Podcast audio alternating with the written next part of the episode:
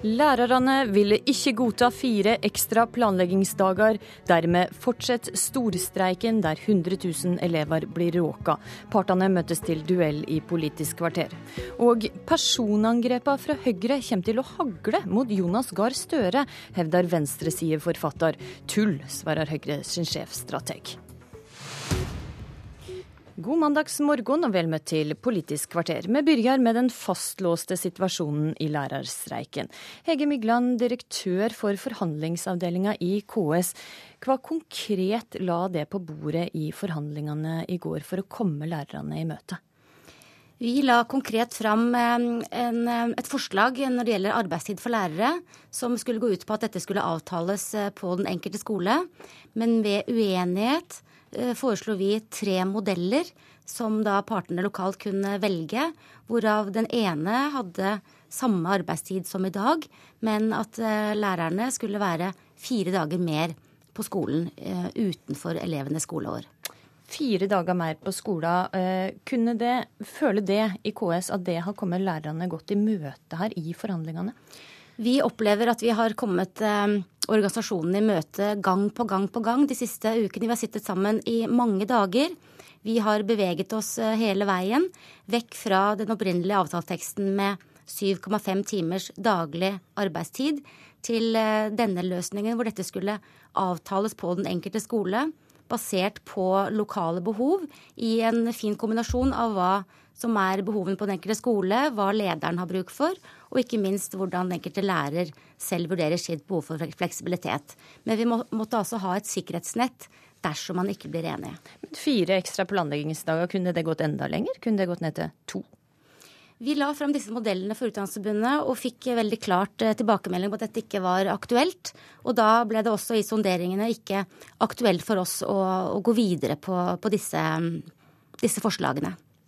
Steffen Handal, nestleder i Utdanningsforbundet. Hva har det gitt i forhandlingene for å komme motparten i møte? Da vi i sin tid gikk inn i disse forhandlingene, så hadde jo vi mange krav. Og nå er omtrent alle de blitt avvist, og vi står igjen med dette ene punktet om tilstedeværelse. Det som er eh, litt forstemmende, det er å oppleve en arbeidsgiver som vil øke tilstedeværelsen for norske lærere uansett og det til tross for at vi har den høyeste tilstedeværelsen i hele Europa. Og det som rir denne konflikten nå, det er rett og slett at det har gått prestisje i det. Gunn Marit Helgesen og styret i KS de vil for enhver pris øke tilstedeværelsen for norske lærere. Og hvis ikke det skjer frivillig lokalt, så er de villige til å bruke tvang. Og Men spørsmålet var, Handal, hva har det i Utdanningsforbundet gitt noe i disse forhandlingene for å komme KS i møte? Det som har skjedd, det er at KS nå har resonnert på, på, sitt ene krav om økt tilstedeværelse. Men det er ikke sånn at vi har gitt eller fått noe som helst. Det er en, dette er, eh, Partene står hvert på sitt. Og det som er det, det, det litt kriseaktige her, det er at eh, de vil øke tilstedeværelsen. Det er det, de, det kravet de må frafalle. Vi kan akseptere en status quo. De kan, kan ikke akseptere to ekstra planleggingsdager, f.eks. Norske lærere samarbeider og planlegger mer enn alle andre lærere i, i, i Europa.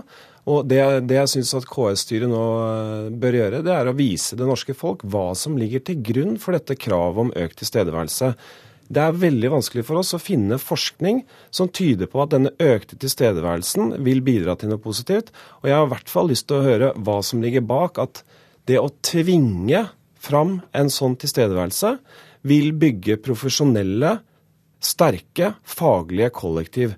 Her møter faglighet og profesjon ledelsesfilosofi av et slag som vi ikke ønsker oss i norsk skole. Ja, Mygland, Hvorfor er det så viktig for KS å tvinge lærerne til å være mer på skolen, når de sjøl sier at det blir ikke noe bedre undervisning av det?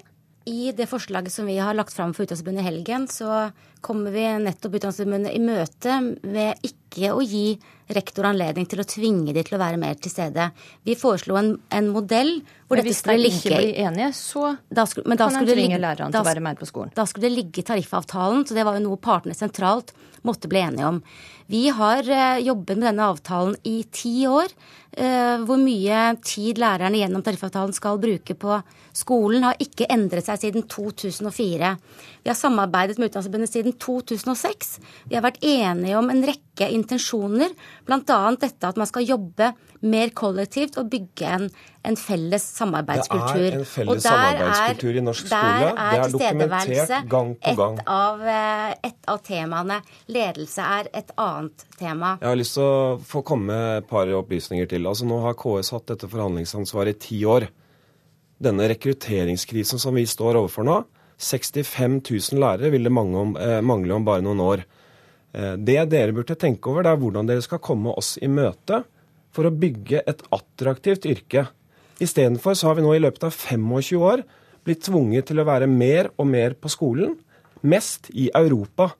Det, det står fram som helt urimelig at dere i, også i år skal stå på dette kravet om å øke tilstedeværelsen enda mer. Og dere vil altså som sagt bruke tvang for å få det til. Det virker helt urimelig, og det vil ikke bygge den kulturen som norsk skole trenger for å komme videre. Vi har en stor og alvorlig streik i Skole-Norge.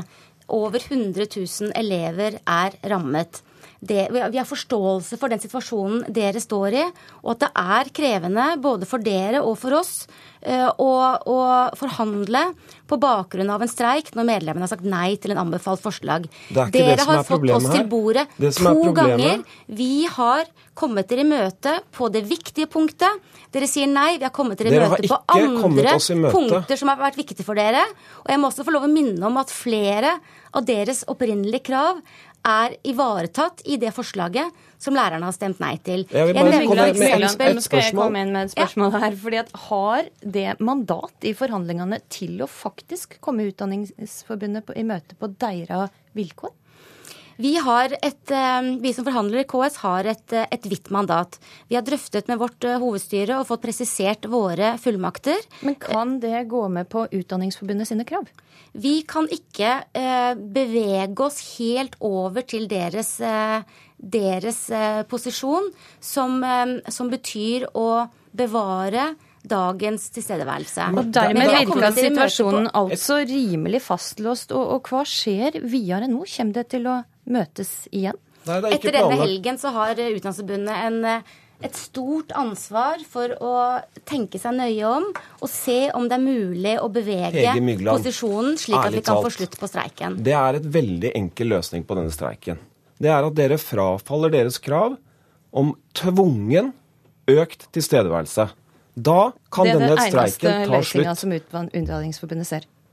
Det er det som skal til. Steffen Handal, der fikk du siste ord i denne debatten. Hege Mygland, takk så, så for at du kom til Politisk kvarter.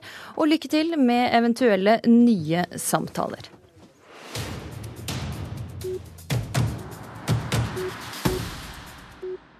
Vil auke bruken av skitne personangrep mot Jonas Gahr Støre. For det er høyresida og ikke venstresida som vinner valg på at valg handler om person og ikke politikk. Det hevder du, Vegard Harsvik, LO-rådgiver og forfatter av boka Blåkopi, i en kronikk i Dagsavisen. Hvorfor vil høyresida angripe personen Jonas Gahr Støre mer i tida som kommer? Jeg vil si at det har vært for lite debatt eh, om den overordna strategiske kommunikasjonen som eh, partiene driver med. Eh, den strategien som ligger bak enkeltutspillene, der partiene forsøker å sette en ramme og en tone for samfunnsdebatten. Og Der er Høyre dyktigst i Norge, og høyresida internasjonalt dyktigst, og kanskje også mest kynisk.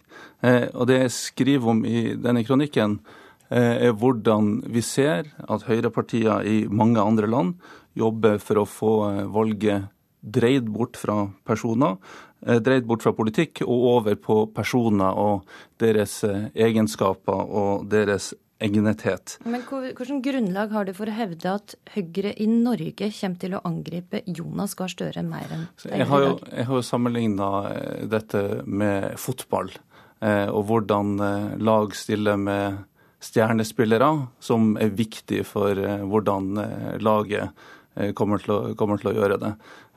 Og da er det ofte sånn at motstanderlaget forsøker å ta ut de stjernespillerne, en Neymar eller en Messi. Og ut fra de erfaringene vi har i andre land, ut fra de erfaringene vi har i Sverige, så er det god grunn til å tro at eh, også Høyre i Norge vil forsøke å ta ut eh, venstresidas eh, stjernespiller Jonas Gahr Støre. Men man bare si at dette kommer ikke til å skje ved at eh, Erna Solberg eller andre framtredende høyreposisjoner stiller seg opp på den, den høyeste nut og, og, roper at Jonas Gahr Støre er en dust. Dette er langt mer sofistikert enn som så. Sigbjørn Aanes, du er Høyre sin eh, sjefstrateg og statssekretær ved statsministeren sitt kontor. Høyre er mest kynisk og kommer til å angripe Jonas Gahr Støre i framtida. Hva svarer du til det? Det er jo interessant at Harsvik eh, drar opp en sånn debatt nettopp med å karakterisere motstanderne som kynisk. I fotballen er det mange hobbyeksperter, og Vegard Harsvik fremstår nå som en eh, hobbyekspert også på, på norsk eh, høyreside. Og vi vet jo, det vi vet med hobbyeksperter i fotball, er at det er fort å ta feil. Det beste eksempelet kan vi se fra valgkampen 2013, som, som er den nærmeste som ligger bak oss hvor eh, vi snakker om egen politikk. Erna Solberg sa hele tida at velgerne er opptatt av løsninger, ikke av konflikt.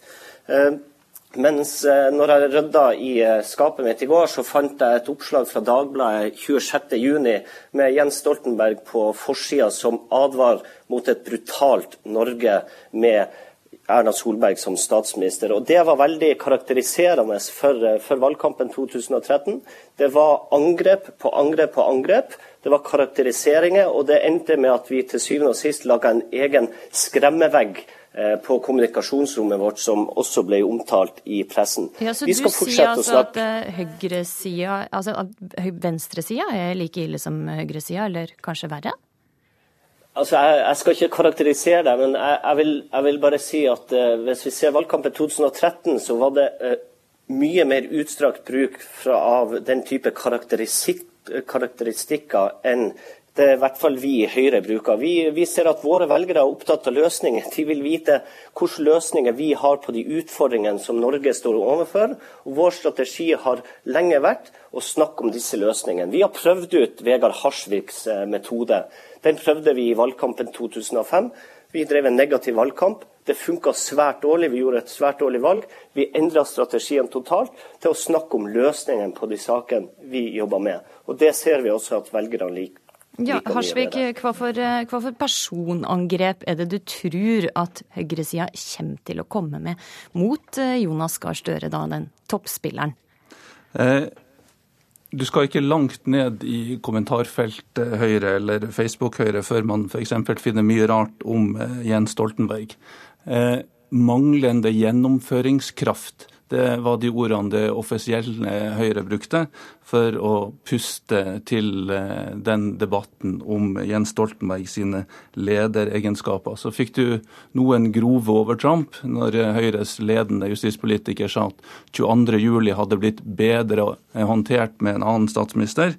Eh, men man må jo passe seg sånn at ikke den negative vinklinga tar overhånd. Eh, Ånes måtte jo sjøl gripe inn Eh, når eh, for mange av Høyres ledende politikere var ute og fulgte opp jeg tror det var Kristin Clemets angrep mot eh, Jens Stoltenbergs lederegenskaper. Men hvor mye av dette her er styrt dette, fra Høyre, og hvor mye er bare vanlige folk som kommer med sine personlige meninger? Så Sigbjørn Aanes og Høyre er kanskje de dyktigste politiske kommunikatorene i, i Norge i dag. Og når vi hører Aanes snakke om at Høyre snakket om sin egen politikk i, i valgkampen, eh, så er jo det veldig langt fra det som faktisk eh, er, er tilfellet. Høyre snakker om eh, alt annet enn den politikken de faktisk kom til å føre i valgkampen. Jeg rydda også i skapet før jeg gikk i denne debatten. Jeg så på Erna Solbergs tale til Høyres landsmøte rett før valget. Eh, der ble skattelette så vidt nevnt i forbifarten én gang, mens barn ble nevnt 15 ganger. Og så kommer Høyres eh, Eh, endring av eh, den rød-grønne regjeringas statsbudsjett, og så er skattekuttet alt overordna man får til. Vegard Harsvik, Sigbjørn Aanes, der må vi takke deg av for eh, Politisk kvarter. Fortsett å følge debatten om både politikken og personangrepa. Vi er tilbake samme tid, samme kanal hver vekedag. Har du tips eller kommentarer til sendinga, send oss en mail på politikk, alfakrøll, nrk.no. Dagens sending er slutt. I studio i dag var Astrid Astrid Randen.